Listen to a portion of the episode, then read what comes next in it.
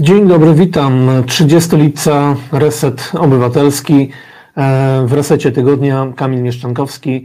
E, bardzo dziękujemy przede wszystkim e, koledze Łukaszowi Bietka za produkcję programu. Serdecznie zapraszamy do wsparcia Resetu Obywatelskiego. Realizatorem dzisiejszego programu jest kolega Marcin, a naszym pierwszym gościem jest pani poseł Anita Kucharska-Dziedzic. Zapraszam do, e, do nas. Dzień dobry Pani poseł. Dzień dobry Panu, dzień dobry Państwu.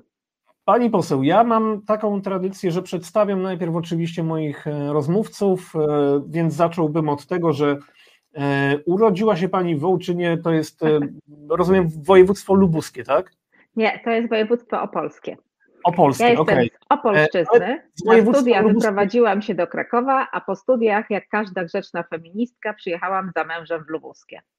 Okej, okay. dobrze, to ja pokrótce może powiem, e, e, opowiem Pani e, życiorys. Proszę mnie poprawić tam, gdzie się będę mylił. Pani poseł, jest Pani lit, literaturoznawczynią, nauczycielką słowo, ale dokładnie tak. polityczną, jest Pani doktorem nauk humanistycznych i posłanką na Sejm dziewiątej kadencji obecnego Sejmu. Od 2021 roku jest pani wiceprzewodniczącą Nowej Lewicy. E, w 1996 roku, jak pani wspomniała, ukończyła pani e, Uniwersytet Jagielloński w e, Krakowie i w 2006 roku doktorat. Mm, jest pani działaczką na rzecz praw kobiet, przeciwdziałania przemocy oraz równego traktowania. I w wyborach samorządowych w 2018 roku została Pani wybrana do Rady Miejskiej w Zielonej Górze, co jest dosyć istotne z punktu widzenia naszej dzisiejszej dyskusji. E, I w 2019 roku została Pani koordynatorką okręgową wiosny Pana Roberta Biedronia. Następnie oczywiście wiosna przekształciła się w Nową Lewicę, której jest Pani, jak wspomniałem, wiceprzewodniczącą. W Sejmie jest Pani wiceprzewodniczącą również Komisji Ustawodawczej, i Parlamentarnego Zespołu do, do Spraw Organizacji Pozarządowych i Społeczeństwa Obywatelskiego. Zgadza się? Tak, tych zespołów jest trochę. Ja sobie cenię zwłaszcza pracę w trzech, w tym, w którym, który Pan wymienił, ponieważ całe życie dorosłe jestem związana z pozarządówką e, i, i znam temat, że tak powiem, od podszewki. E, i dwa zespoły są dla mnie szczególnie ważne. Jeden może być dzisiaj, może dzisiaj wybrzmieć, bo będziemy, jak miałam rozmawiać o tej Zielonej Górze, która jest tym miejscem katastrofy ekologicznej. Ja jestem współprzewodniczącą, bo założyliśmy razem z panem posłem mm, Aniśką, e, również z Lubuskiego, z Zielonych, zespół do spraw renaturyzacji Odry. Myśmy go założyli po to, mm, żeby Odrę przekonywać wszystkich, że Odrę trzeba renaturyzować, bo inaczej nam będzie grozić katastrofa. Po półtora roku naszej pracy się okazało, że katastrofa się rzeczywiście wydarzyła. Wprawdzie nie przewidzieliśmy złotych alg, ale przewidzieliśmy, że dalsze betonowanie rzeki doprowadzi do jakiejś katastrofy ekologicznej i do e, takiego zatrucia rzeki, że ona przestanie być już e, atrakcyjna dla, dla ludzi wokół tej rzeki mieszkających jako jako rzeka po prostu. No i drugi zespół, który sobie bardzo cenię, jestem jego przewodniczącą, właściwie zespół mogę już e, zawsze powtarzam od, od jakiegoś czasu, że mogę już właściwie go rozwiązać, ponieważ osiągnęliśmy cele, przynajmniej te legislacyjne, to jest zespół, który ma monitorować podmiotowość dziecka w prawie krajowym, udało nam się te kwestie, które mm, są dla nas kluczowe, dla ludzi z tego zespołu i dla osób, które się z nami związały, ekspertek, matek, ojców, e, kwestie podmiotowości dziecka, zapisania, przestrzegania. Udało nam się wprowadzić do tych zmian w, w kilku ustawach, które są nazywane w tej chwili ustawą Kamilka, Lex Kamilek. I, i to jest coś, co, co sobie bardzo cenię, bardzo się cieszę, że rzeczywiście mimo e, tej pracy w opozycji, bo opozycja to bardzo niewdzięczna rzecz dla każdego posła, bo rzeczywiście trudno się z własnymi pomysłami, projektami przebić, ale tych kilka rzeczy, mm, o które się upominałyśmy jako i członkini organizacji przeciwprzemocowych, i organizacji kobiecych udało się rzeczywiście w tym Sejmie przeprocedować, więc nie było tak źle, przynajmniej w zakresie przemocy wobec kobiet, jakby się mogło pozornie wydawać. Osobiście gratuluję absolutnie tej ustawy, tak zwanej ustawy Kamilka, chyba nie tylko ze względu na imię, ale ze względu na, na, na obszar, który, który ta ustawa obejmowała i, i, i jestem, muszę powiedzieć, trochę w szoku, że udało się tą ustawę przepchnąć pod tymi rządami, gdzie, gdzie tak naprawdę Prawo i Sprawiedliwość twierdzi, że zasadniczego problemu nie ma. To znaczy, ja powiem tak, Prawo i Sprawiedliwość doskonale potrafi czytać um, sondaże opinii publicznej i zamawia je, więc pewne kwestie, e, które mm, formalnie, werbalnie oni akcentują, że nigdy absolutnie i że się z nimi nie zgadzają, to jednak po cichu, bez e, jakichś większych mm, e, protestów, E, przez PiS potrafią mm, przez tą większość sejmową być przyjęte, bo ja przypominam, że ta kadencja zaczęła się po pół roku, zaczęła się od wprowadzenia do polskiego ustawodawstwa czegoś, o co się upominałyśmy, a co właściwie nam gwarantuje konwencja stambulska, czyli natychmiastowa izolacja sprawcy przemocy domowej. To się udało. I teraz te kwestie, które dotyczą dzieci, one są także zapisane w wielu aktach międzynarodowych także w Konwencji Praw Dziecka przecież, której Polska była inicjatorką, o czym już zapomnieliśmy, w myśl polskiego przysłowia, że dzieci i ryby głosu nie mają, to jednak rzeczywiście te rzeczy się nam udało przepchnąć, e, dlatego że był silny nacisk, lobbying, a także ciężka praca, której nie widać za bardzo w mediach, ale ona jest, organizacji pozarządowych. W pierwszym przypadku organizacji przeciwprzemocowych, kobiecych, w drugim przypadku organizacji zajmujących się obroną dzieci przed przemocą. Także to rzeczywiście, mimo takiego buńczucznego opowiadania, że dzieci można bić, kobiety też się nie liczą, to jednak pewne rzeczy z konwencji stambulskiej udało nam się przeforsować. Pani poseł, ja zacytuję Pani wpis, część tego wpisu zacytuję i chciałbym, żeby Pani się e, odniosła do tego, chociaż fragment tego wpisu jest dla mnie, jest dla mnie szokujący. E, zaraz powiem, o czym mowa. E, cytuję. Tydzień temu zaczęło płonąć ponad, ponad 5 tysięcy metrów sześciennych trucizn, chemikaliów, azbestu, przeterminowanych lakierów, węglowodorów aromatycznych, odczynników laboratoryjnych, chemikaliów skrajnie niebezpiecznych dla zdrowia i życia ludzi i takich, których eksperci ze względu na bezpieczeństwo własne nie chcieli badać, czym właściwie to coś zidentyfikowali jakieś 4,5 tony, e, mm, poszło z dymem lub spłonęło na okoliczne łąki i działki e, do cieków wodnych, ale władza miast, ale według władz miasta, władz kraju nastąpiła szybka utylizacja. E, ogień zneutralizował wszystkie pierwiastki, w niebo poleciał tlen z odrobiną węgla aktywnego. Popłynął monotlenek diwodoru. Polacy, nic się nie stało. E, choć prezydent wskazywał w Sejmie, że płonął cukier z cynamonem, e, więc karmelki spadały na okoliczne domy, lasy, pola i działki. To był oczywiście sarkazm. Co nas nie zabije, to nas wzmocni. E, to chciałbym. To jest cytat z pana prezydenta Zielonej Góry, prawda? Kim jest tak. pan prezydent Zielonej Góry? Powiedzmy, po, powiedzmy wprost.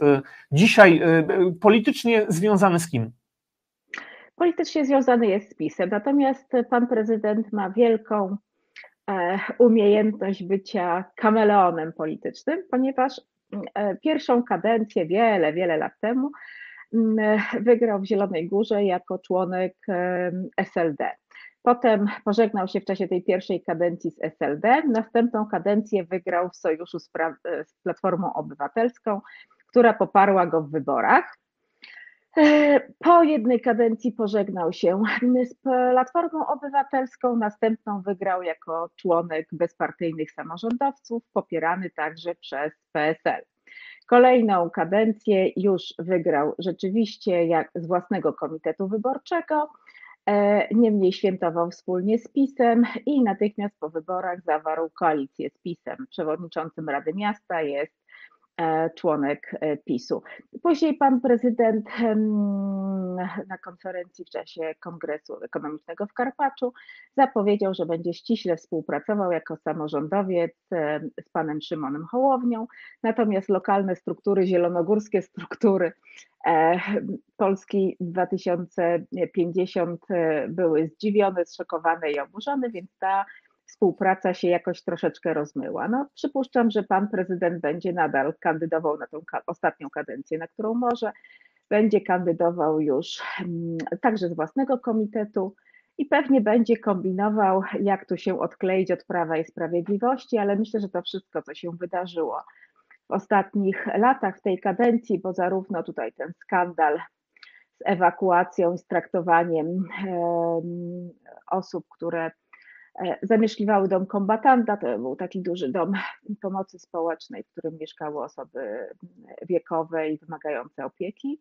Oraz teraz ten skandal z, e, z katastrofą ekologiczną no już nie pozwoli e, obywatelom zapomnieć, że to jest jednak kadencja w porozumieniu z Prawem i Sprawiedliwością, które przychodziło panu prezydentowi z pomocą. Ja osobiście odnoszę wrażenie, że pan prezydent jest ostatnią kadencję, pierwszą i ostatnią kadencję e, prezydentem Zielonej Góry, ale to mm, zakładam, że, że mieszkańcy Zielonej Góry to e, e, w przyszłym roku wyklarują, że tak powiem. Natomiast proszę mi powiedzieć, co się tak naprawdę stało w Zielonej Górze, bo wszyscy wiemy, wszyscy widzieliśmy te wielkie płomienie, które buchały z tego miejsca. Co się tam w ogóle wydarzyło? Bo dzisiaj władza mówi o tym, że no właściwie niewiele się wydarzyło, że to kolejny pożar było, minęło, e, e, żadnych skutków dla ludzi. No żadnych skutków dla ludzi. To jest, e, to jest po prostu zaskakujące, jak można opowiadać, bo ja rzeczywiście sarkastycznie używałam chemicznej nazwy wody, czystej wody i mówiłam o tej sadze, która sobie po prostu pył węglowy popłynął, poleciał do nieba. Natomiast rzeczywiście hmm, była sobie firma, która prowadziła, e, składowała odpady różnego rodzaju, odbierała odpady e, od różnych e, przedsiębiorstw, także od szpitali. Tych odpadów, karty odpady, które, które ja widziałam, nie były niemieckie, były polskie, aczkolwiek nie wykluczam, że to są też odpady z zagranicy. Zgodnie z ówczesnym prawem otrzymała pozwolenie na to składowanie od starosty, bo przylep należał do e, powiatu zielonogórskiego. I mm, wynajęła halę od takiego starszego pana, który kupił halę po to, żeby sobie na emeryturze mieć dodatkowe źródło dochodu z wynajmu takiej hali na takim terenie przemysłowym w sołectwie obecnym Przylep. I po dwóch latach prowadzenia tej działalności, kiedy zapełnili tą halę po sufity, E, nagle przestali płacić za wynajem i się utlenili, nomen omen, zniknęli. I rzeczywiście wtedy mm, właściciel tej hali, nie mogąc się rozwiązał z nimi umowę, domagał się zaległej zapłaty, ale także zgłosił sprawę do prokuratury, która rzeczywiście razem z Wiosiem, prokuratura zaczęła prowadzić śledztwo, Wioś zaczął sprawdzać, co tam jest po prostu składowane w tej hali.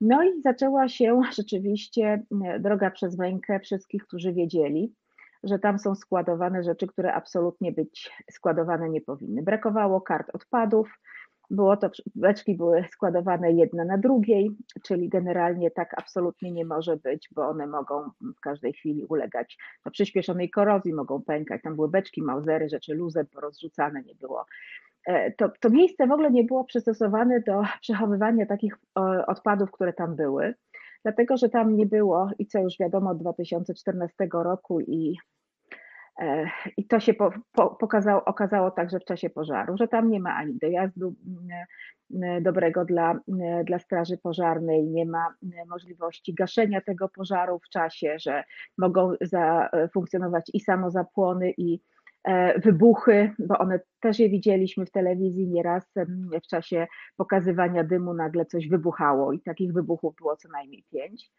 No i że tam nie ma miejsca na to, żeby spływała woda e, po pożarze, ta woda, którą się będzie używało do, gaś do gaszenia, że to miejsce jest po prostu nieprzystosowane absolutnie i trzeba je natychmiast oczyścić. W międzyczasie Zielona Góra się poszerza, wchłania okoliczne wsie, i gospodarzem miejsca już nie jest starosta zielonogórski, ale jest prezydent Zielonej Góry. No i pan prezydent nadal, do, do dzisiaj zresztą, pobiera opłaty za, za ten teren i za działalność gospodarczą od, e, od właściciela owej hali, który od 2014 roku nie ma grosza z tego, ponieważ e, firma, firma zniknęła i pan prezydent już wie, że tę halę musi po prostu oczyścić, bo ma i musi zutylizować, bo odpady są skrajnie niebezpieczne. Wie to z opinii Wiosiu. Wie to także dzięki biegłym prokuratury, którzy prowadzą śledztwo. Tam w tych opiniach biegłych pani prokurator mówiła do reportażu, który nakręcił dwa lata temu, ile dobrze pamiętam, Maciej Piotrowski dla Alarmu, E, pani prokurator powiedziała, że w każdej chwili może nastąpić samozapłon. To są skrajnie niebezpieczne rzeczy, które będą wybuchały, więc jest skrajne ryzyko po prostu zagrożenia dla obywateli, nie tylko katastrofą ekologiczną, ale po prostu zagrożenie życia i zdrowia, także w czasie ewentualnego pożaru. Gdyby tam obok byli ludzie, gdyby to nie była sobota, to byłaby naprawdę tragedia. E, pan prezydent nie robi nic. E, I jest taka przepychanka słowna z właścicielem, tej hali, który no wie, że sam sobie z żoną, dwoje starszych ludzi, nie poradzi z tym, bo generalnie to nie mają do tego uprawnień, nawet możliwości nie mają, żeby, żeby coś robić. Zresztą oni nie mają od tego 2014 roku kluczy do hali, bo nie dość, że klucze e, zabrała prokuratura i klucze do hali ma prokuratura, policja, straż pożarna i dyrektor Biura Ochrony Środowiska, to jeszcze oczywiście zmienili Zmienili kłódki, zmienili zamki, także nikt tam absolutnie nie, nie wchodził poza, poza służbami. No i jest taka przepychanka. E, sprawa staje się publiczna, dlatego że ten właściciel zaczyna szukać pomocy, bo już ma dosyć tej przepychanki z panem prezydentem. Ma wyrok SKO, który, w którym jest napisane, że pan prezydent wobec tej firmy Avignon stosuje po prostu pozorowane działania i właściwie nie jest w stanie uzyskać od firmy, która po prostu zniknęła i tam są tylko pracownicy, nie ma już tych prezesów, są jacyś kierowcy, są słupy i płotki. Nie jest w stanie uzyskać ani e, nie wyegzekwować, e, nie jest w stanie wyegzekwować ani kar nakładanych na tą firmę, ani wyegzekwować, żeby ona po sobie posprzątała, więc musi to zrobić po prostu po prostu sam. W 2018 sprawa staje się publiczna, bo właściciel przychodzi do nas, do ruchu miejskiego i mówi: Słuchajcie, coś z tym trzeba zrobić, bo ja już jestem bezbradny. No i my tam rzeczywiście zaczynamy się kręcić. Tam też przedsiębiorcy obok pracujący zwracają uwagę, że pracownicy im chorują albo nie chcą pracować, że tam śmierdzi, że są przesiąki z tej hali, że tam coś wycieka. Tam przyjeżdża straż e, pożarna i rozsypuje absorbent, żeby tam po prostu te wycieki jakoś, e, e, jakoś zabezpieczyć. To tam się dzieją dziwne rzeczy, tam po prostu potwornie śmierdzi. Niedaleko są działki, za torami zaczynają budować się, budować się nowe osiedla. Nikt nie wie, że jest bomba ekologiczna. Wie prezydent, więc my tą sprawę nagłaśniamy, kręcimy razem z doktorem Pilichowskim film. Ruch Miejski go upublicznia ten film. Dzisiaj, dlaczego ja o tym mówię? Dlatego, że pan prezydent w piątek na Radzie Miasta powiedział, że mieszkańcy Przylepu po przyłączeniu do Zielonej Góry woleli, żeby były w Przylepie budowane drogi, niż żeby wydać pieniądze e, wynikające z przyłączenia na utylizację e, odpadów z tej hali. Otóż no. w tym 2015 roku mieszkańcy Przylepu po prostu nie wiedzieli, e, że mają pod nosem bombę toksyczną. No i zaczyna się przepychanka. Ja zostaję radną mm, i mam te interpelacje. W tych interpelacjach piszę, co będzie, jak to się zapali. Więc pan prezydent mi odpowiada, nic nie będzie, bo tam jest stały monitoring Straży Pożarnej i Biura Ochrony Środowiska. Nie stwarza ta hala żadnego, e, żadnego ryzyka, nie ma żadnych przesiąków, nie ma nic. Po prostu jest fajnie, super. E, ja ciągle, ciągle o tym mówię, jak mantrę. Jak zostaję posłanką po roku bycia radną, to w tym takim pożegnalnym przemówieniu mówię o tym, że najważniejsza rzecz, którą zostawiam i bardzo proszę pozostałych radnych, żeby tego dopilnowali, że pan prezydent wywiązał się z tej obietnicy zrobienia czegoś. Ja podawałam kilka sposobów na rozwiązanie, na szukanie finansowania, między innymi Fundusz Sprawiedliwości.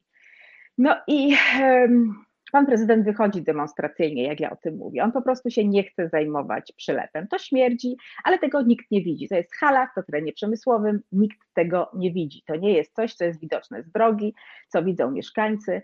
A można powiedzieć, że kucharska to jest jakaś histeryczka, ona by tam nie chciała, żeby drzewa ciąć, żeby żeby miasto się rozwijało, blokowałaby przemysł, więc e, ona jest po prostu sfiksowana na punkcie tej ekologii, więc nie należy się tym przejmować. I takich wiele obraźliwych tekstów ze strony pana prezydenta i jego radnych wobec mnie pada. Jako posłanka usiłuję ten przylep uczynić takim tematem, elementem ogólnopolskiego problemu. Więc pytam na przykład pana Wąsika, co z takimi bombami ekologicznymi, z takimi odpadowiskami. Pan Wąsik mi pisze, wszystkie są monitorowane, nie ma ryzyka samozapłonów ani podpalenia. Mamy rocznie circa 100 pożarów odpadowisk i wysypisk śmieci w całej Polsce. Jak się pan prezydent mówił monitorowane, pan minister Wąsik mówi monitorowane, na piśmie od Straży Pożarnej z ubiegłego roku mam nie jest monitorowane wcale. My tego nie monitorujemy.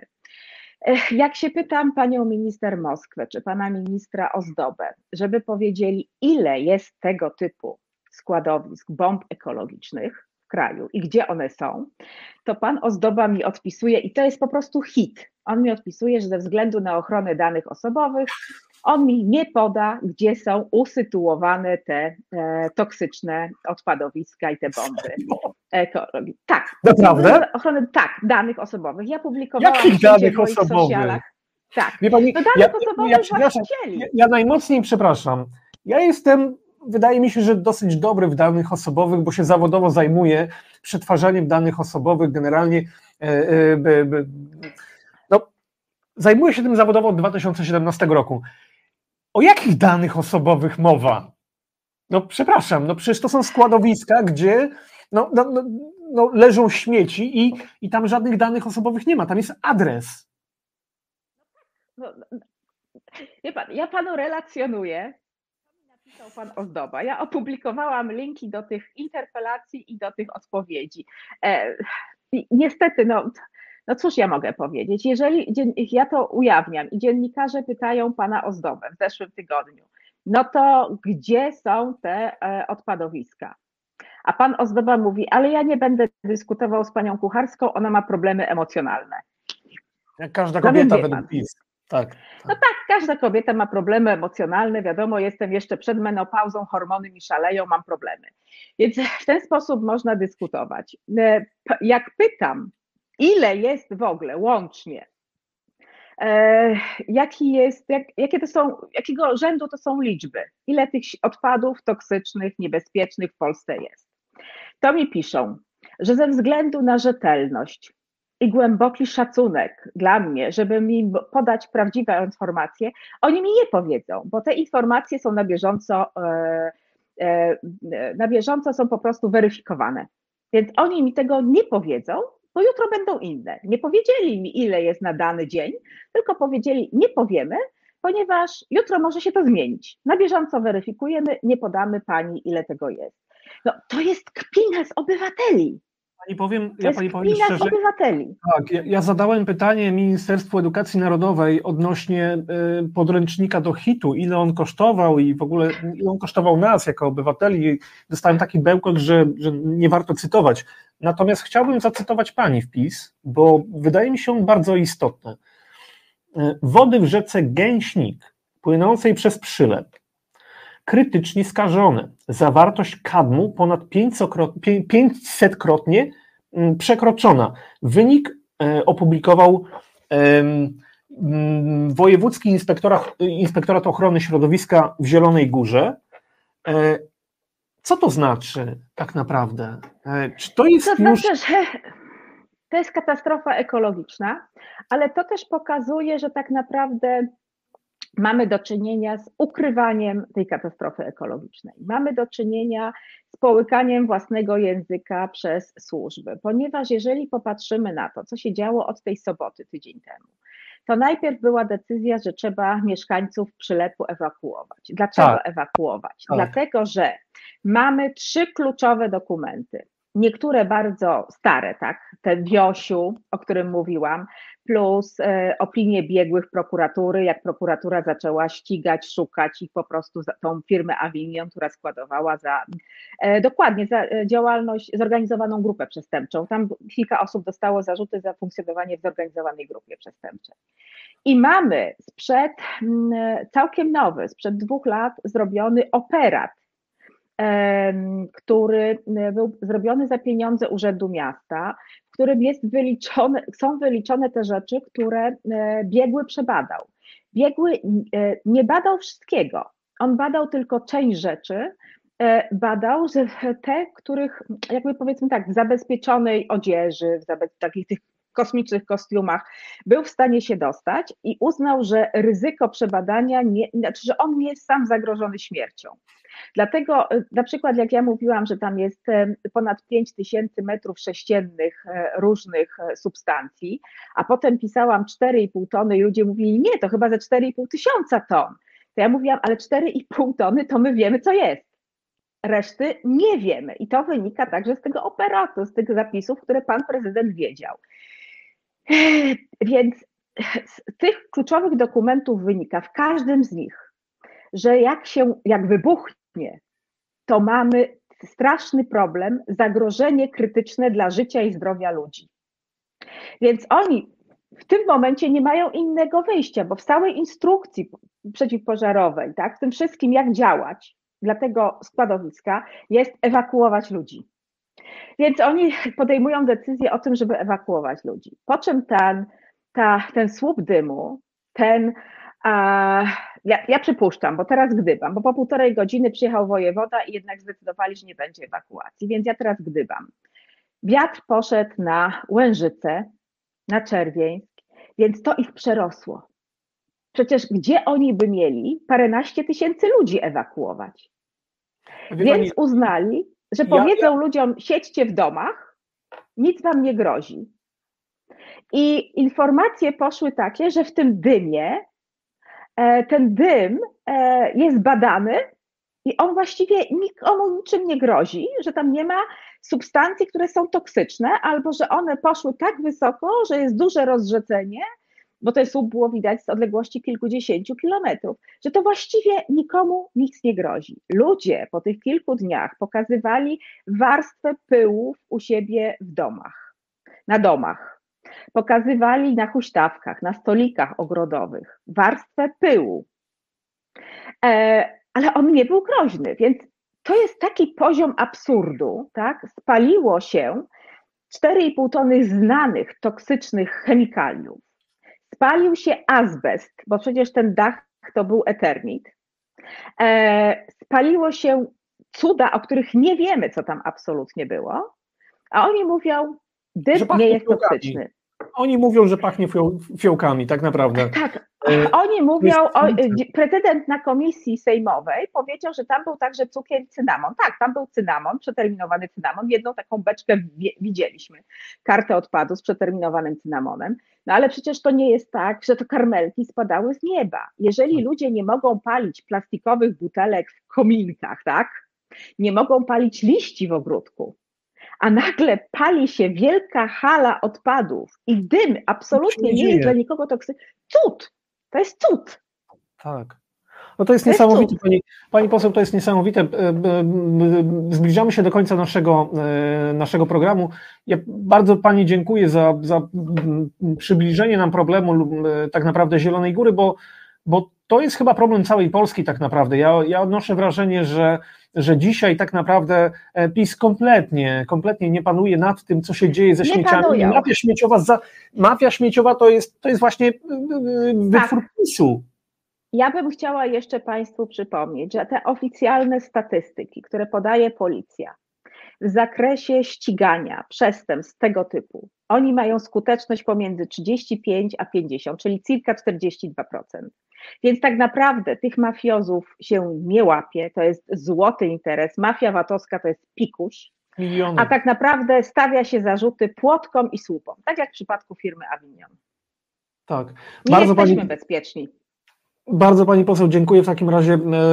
E, e, nie, nie, ja tym bardziej się nie czuję e, bezpieczny pod rządami akurat tej partii, która tak naprawdę zamiata pod dywan wszelkie rodzaju, tak. wszelkiego rodzaju katastrofy ekologiczne, bo już o, o że tak powiem, o, o Odrze nie wspominając. Serdecznie Pani dziękuję. Mam nadzieję, że jeszcze się zobaczymy w naszym programie. I no i co? No i życzę tego, żeby, żeby osoby odpowiedzialne poniosły konsekwencje. No mam nadzieję, że parę osób pójdzie siedzieć, a nie skończy się tak jak w przypadku poprzednich moich doniesień do prokuratury, że ona umarza. Sąd potem mówi, prowadźcie jednak to dochodzenie, a prokuratura umarza ponownie. Jasne.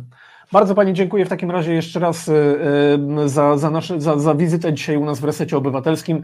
Życzę miłego wieczoru i do zobaczenia. Do zobaczenia. Dziękuję. E, szanowni Państwo, naszym kolejnym gościem, o ile go jeszcze mamy, mamy? Jeszcze nie mamy. E, w takim razie robimy krótką pauzę e, i, i postaram się skontaktować z naszym gościem. Naszym gościem powinien być kolega Maciej Górecki, który jeszcze się nie zalogował, także proszę o chwilę cierpliwości. Za chwilę wracamy. Słuchasz Resetu Obywatelskiego. E, witam po tej krótkiej przerwie technicznej e, spowodowanej e, nieobecnością naszego gościa, ale nasz gość już jest. Witam kolegę Macieja Góreckiego. Przepraszam, że będę mówił na ty, ale tak mam i, i, i już z tym nie walczę. Dzień dobry, oczywiście. Witam. Sam siebie nazywasz najbardziej kontrowersyjnym warszawskim profesorem. Kontrowersyjnym dlaczego? No, powiedzmy sobie, e, e, dość krytycznie swego czasu wypowiadałem się o e, polskim środowisku akademickim. Zwłaszcza w czasach, w czasach tak zwanej reformy Gowina. No i tam powiedzmy mój awans na stanowisko profesora Uniwersytetu Warszawskiego no był, wzbudził wiele kontrowersji wśród moich e, przeciwników, powiedziałbym, czy, czy, czy adwersarzy. adwersarzy. Tak. E, no i, i, i, to, jest, to jest tym spowodowane, raczej z moją, moją, moją obecnością i aktywnością w środowisku czysto akademickim. Ja się bardzo cieszę. Bo... że, ten, że ten awans przebiegł pomyślnie ostatecznie, więc. Ja się bardzo cieszę, bo jestem absolwentem UW, co prawda studiów podyplomowych, ale jednak. E, natomiast e, ja o tobie nie, niezbyt wiele w ogóle wyczytałem w, w internetach. E, to tylko tyle, co, co, co udało mi się znaleźć, to jesteś, um, um, przepraszam, że po angielsku, currently works at the Faculty of Psychology, University of Warsaw, Uh, Maciej does research in political organization and parties, comparative, uh, comparative politics and elections, public opinion and voting behavior. Generalnie zajmujesz się wyborami. Tak, to jest moja, moja, moja główna, główna subdyscyplina badawcza, czy, czy główne, główne pole zainteresowań badawczych. Nie tylko się tym zajmuję, ale głównie. I Twoja wczorajsza dyskusja z panem Dumą, bo wróćmy do tego, bo od tego się chyba cała, cała awantura zaczęła, polegała na czym?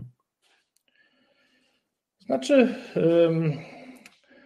wyniki, wyniki sondaży lipcowych, zwłaszcza oszacowania czy prognozy poparcia dla Konfederacji, E, bardzo mocno rozjechały się pomiędzy różnymi ośrodkami. Dominuje taka narracja, powiedzmy sobie, że Konfederacja bardzo mocno rośnie. E, natomiast e, tak duże różnice muszą budzić, muszą budzić pewien niepokój. Tak? Zarówno myślę dziennikarze, jak i przede wszystkim też przede wszystkim naukowcy naszym obowiązkiem jest, jest y, pytać, skąd te różnice wynikają.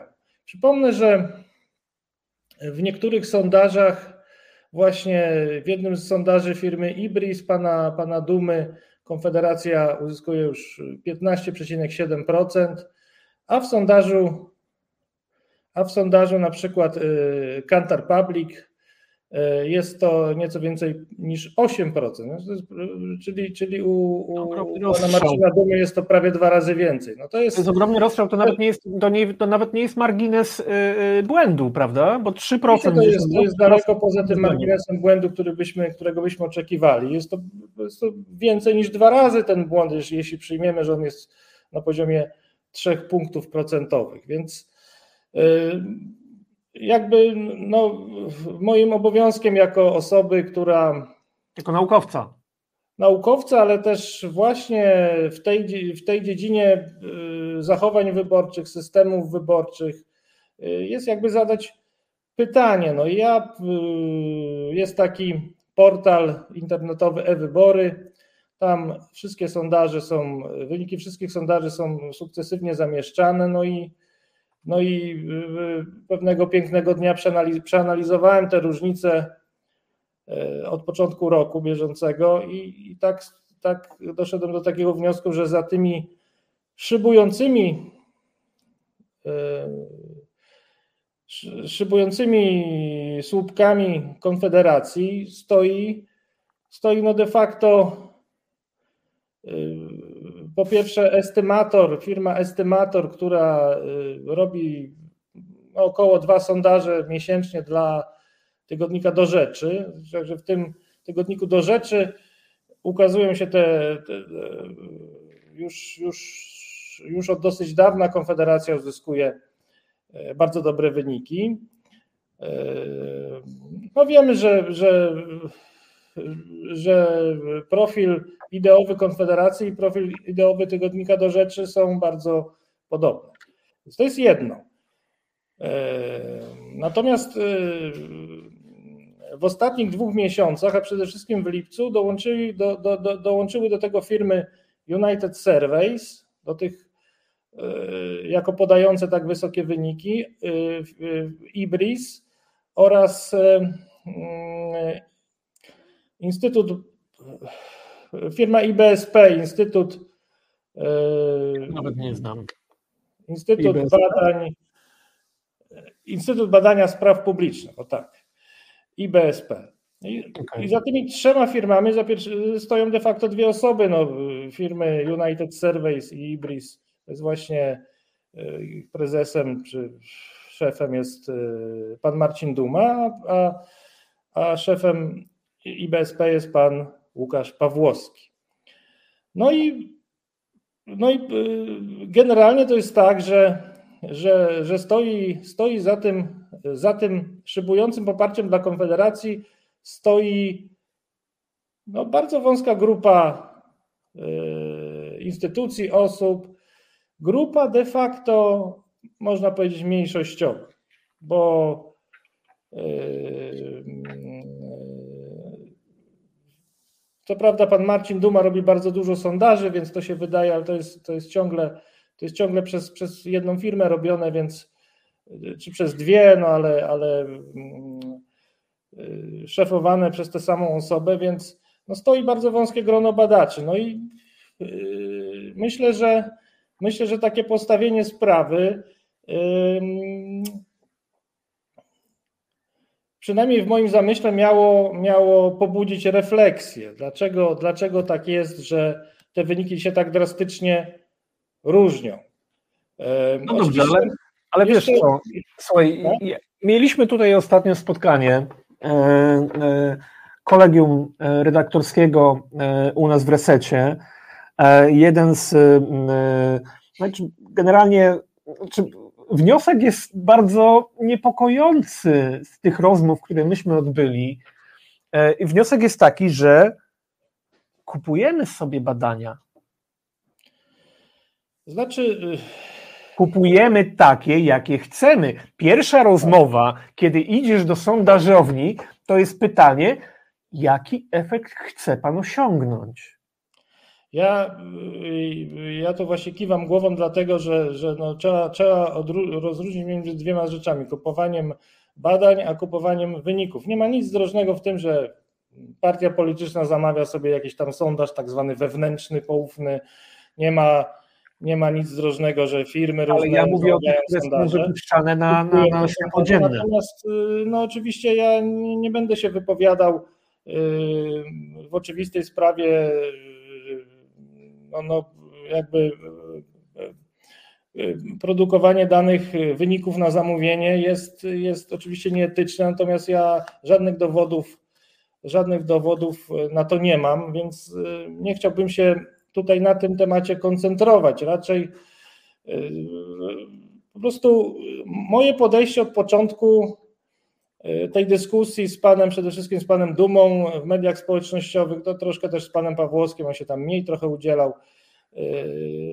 Po prostu polega na tym, że ja zadaję pytania, chcę po prostu zrozumieć, zrozumieć jak te badania są robione, żeby ewentualnie, ewentualnie no, porównać, porównać to z, z tymi metodami stosowanymi przez inne firmy, no i, i może jakoś zrozumieć skąd ta różnica, no bo różnica jest, różnica jest faktem, a ja jestem przywiązany do takiej jednak tezy, może takiej bardzo prostej, że istnieje jednak jakiś, jakaś ta re, realny rozkład preferencji, który badania mają tylko odzwierciedlić. No. A mi się wydaje, że mi się wydaje trochę, że jesteś takim trochę Don Quixotem, który, który zaczyna walczyć z wiatrakami, bo, bo tak naprawdę e, e, bardzo dużo się mówiło o sondażach w Polsce, o tym, jak je się robi, jak je się kreuje, jak sondaże wpływają tak naprawdę na sondaże.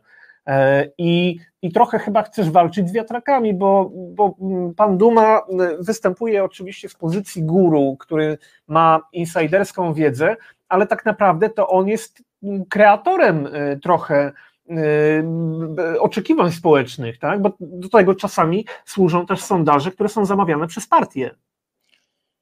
Czy tak, no,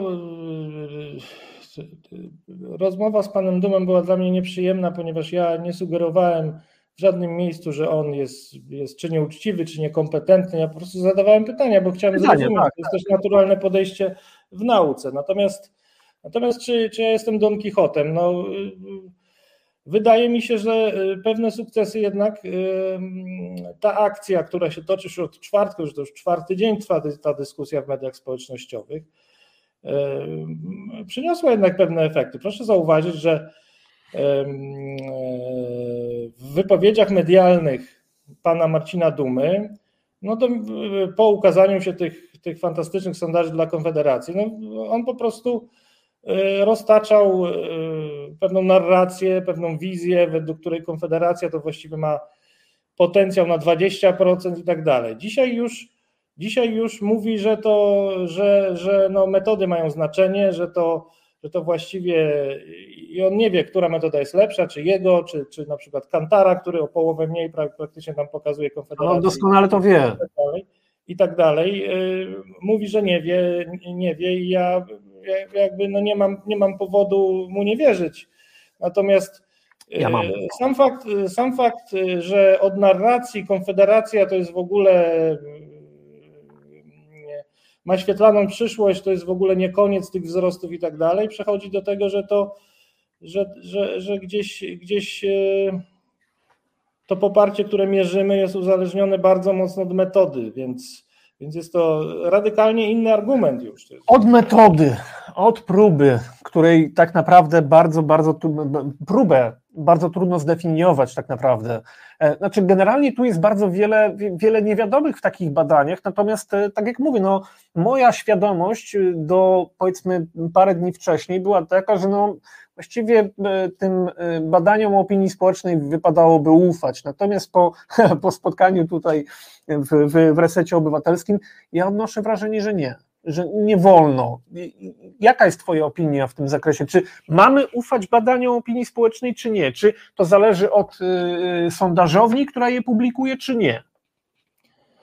Znaczy, w momencie, kiedy wyniki tak się kolokwialnie rozjechały, no, mówimy teraz o jednej partii, y, może należałoby się też zastanowić nad innymi partiami, y, ale, ale mówimy o tej konfederacji. Wyniki się bardzo mocno rozjechały no to powstaje pewien chaos, no, chaos informacyjny, nie wiadomo komu wierzyć, bo ja podchodzę, podchodzę, dopóki nie mam dowodów jakichś, nie siedzę w niczyjej głowie, podchodzę do tego, do tego z, no, z, dobrą, z dobrą wiarą, że, że wszyscy się starają te wyniki zrobić może jednak dobrze.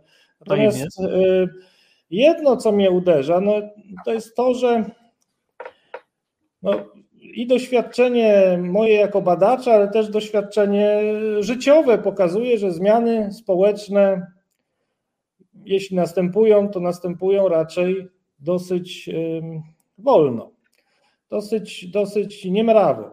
To jest proces. Jest pewien proces, tak. No i jeżeli w ciągu dwóch miesięcy odnotujemy tak ogromny wzrost Konfederacji, no to i, i, on, jest, i on jest wyłącznie wyłącznie y, podawany przez no, wąskie, towarzy, wąskie nie towarzystwo, wąskie grono badaczy, to ponieważ te zmiany u nich są tak duże, to na ich barkach y, na ich barkach y, jest, że tak powiem, tłumaczenie się w sensie takim, no. Różnica. Żeby wyjaśnić, wyjaśnić, wyjaśnić, dlaczego te różnice są. Raczej, raczej Y, większy nacisk położyłbym na wyjaśnienia ze strony tych, którzy pokazują takie duże zmiany, niż na, ze strony tych, którzy pokazują, że te zmiany są, są mniejsze. Ale nie odpowiedziałeś mi na pytanie, wierzyć czy nie wierzyć? Znaczy ja, ja śledzę sondaże w Polsce właściwie, to sondaże i wybory i politykę śledzę. Ale wszyscy no, śledzimy od tych lat już iluś tam, ale też sondaże. I podchodzę do sondaży generalnie z, z pewnym dystansem. Tu rzeczywiście łatwo jest się pomylić, są różne błędy. Jeden jest błąd losowy, oczywiście, jest też błąd systematyczny.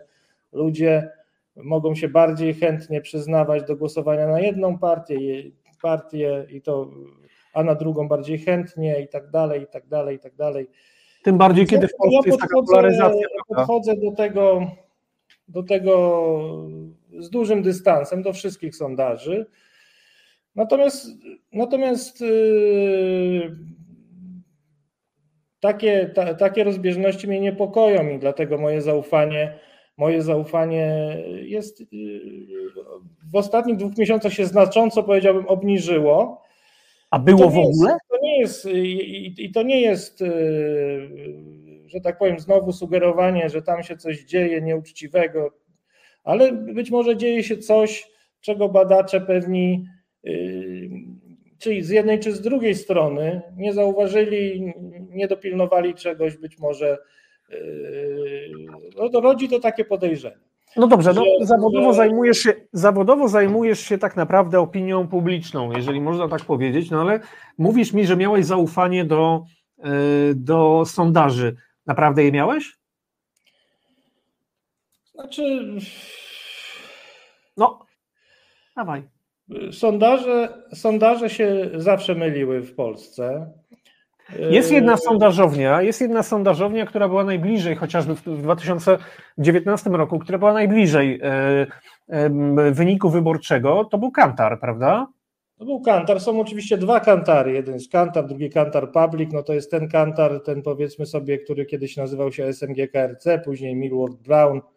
E, e, ten, więc ten Kantar, który nie ten kantar, który w, w lipcu robił badania. Ten kantar, o którym mówimy, który miał no, duży sukces w, w roku 2019, nie robił badań już od, od jakiegoś czasu, chyba od, od, od, od połowy czerwca, czy, czy no powiedzmy sobie, biorąc po, pod uwagę częstotliwość, inny, z, jak, z jaką badania robią inne firmy, to dawno. Um, Słuchaj, Czesław no, pisze tak. o tej firmie, no ale, Czesław, ale... Czesław pisze tak. Osobiście uważam, że publikowanie badań powinno być zakazane, nawet pod karą wykluczenia e, partii z wyborów, a gazety czy telewizje powinny być mocno karane finansowo. Zgadzasz się?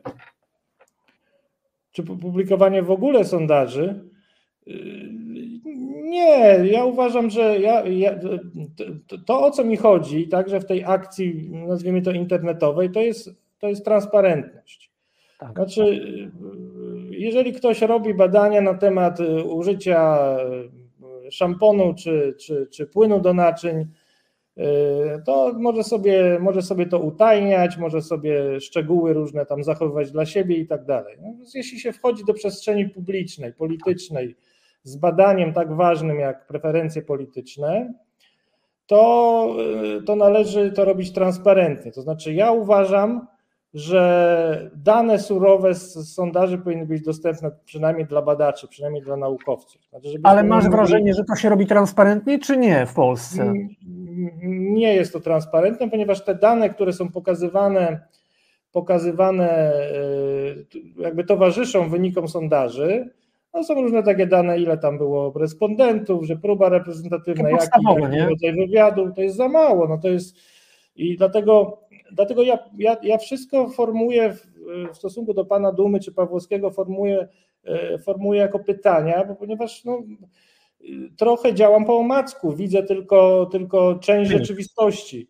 I, tak. i, I tą rzeczywistość, no niestety, jeżeli mielibyśmy, mielibyśmy e, taką sytuację sondażową jak w Wielkiej Brytanii czy Francji, gdzie tam najważniejsze ośrodki no generalnie nie różnią się w tych przewidywaniach, różnią się, ale te, nie, nie tak, tak, takich drastycznych Drastycznie, tak. rzeczy nie ma, no to może, może moglibyśmy pozwalać na utajnianie tych, tych szczegółów. W obecnej sytuacji uważam, że powinno być prawnie uregulowane, że jeśli chcesz, chcesz publikować sondaże polityczne, wyborcze i tak dalej, udostępniasz wszystkie dane, wszystkie szczegółowe informacje na temat metodologii, żeby osoby, czy to takie jak ja, czy, czy powiedzmy są jeszcze bardziej wąsko wyspecjalizowane osoby w sondażach, mogły to tak. zweryfikować, przedyskutować i ewentualne rozbieżności przynajmniej jakoś wyjaśnić y, i y, publice, tak? I no i tak dlatego... Tak jak na przykład w przypadku sondażu Gazety Wyborczej, tego sondażu powiedziałbym, który się nazywał obywatelski, tak? E, tam było właściwie upublicznione, w jaki sposób ten sondaż był zrobiony, no i trochę został rozjechany przez, e, przez niektórych, e, niektórych zainteresowanych. Znaczy, on tam po, po prostu, ten sondaż akurat, no, ci, którzy tworzyli ten sondaż, czy, czy, czy przeprowadzali, ja tu znowu nie chcę niczego im imputować, no ale wiemy, że oni mają mają bardzo jasno określony pogląd na to, w jaki sposób opozycja powinna iść do wyborów. Więc e, i, i to jest jedna lista. Więc Ty nie masz tu żadnych preferencji, to, rozumiem, tak? Po jednej liście no, mieli bardzo łatwy punkt zahaczenia. Ale że, powiedz mi, ty nie masz tutaj żadnej preferencji. Rozumiem, że dla ciebie to jest nieistotne, czy pójdzie jedna lista, dwie listy, siedem list, osiem list. Ja napisałem w zeszłym roku taki tekst w Gazecie Wyborczej, już właściwie wiosną chyba zeszłego roku, w którym mówiłem, że jedna lista jest najlepszym rozwiązaniem. Wyjaśniałem to e, różnymi efektami. Po, po pierwsze, takim efektem, że, że mm, ludzie lubią głosować na tych, którzy wydają się pewnymi zwycięzcami. No ta lista byłaby od razu pierwsza w sondażach, więc, więc wielu, wiele osób Y, przyłączyłoby się tylko dlatego, że to jest największa lista. Także pewnymi efektami też z y, takimi działania sieci społecznych, których jak się dużo osób pojawia w danej społeczności y, zamierzających popierać, to niejako przekonują w rozmowach z sąsiadem.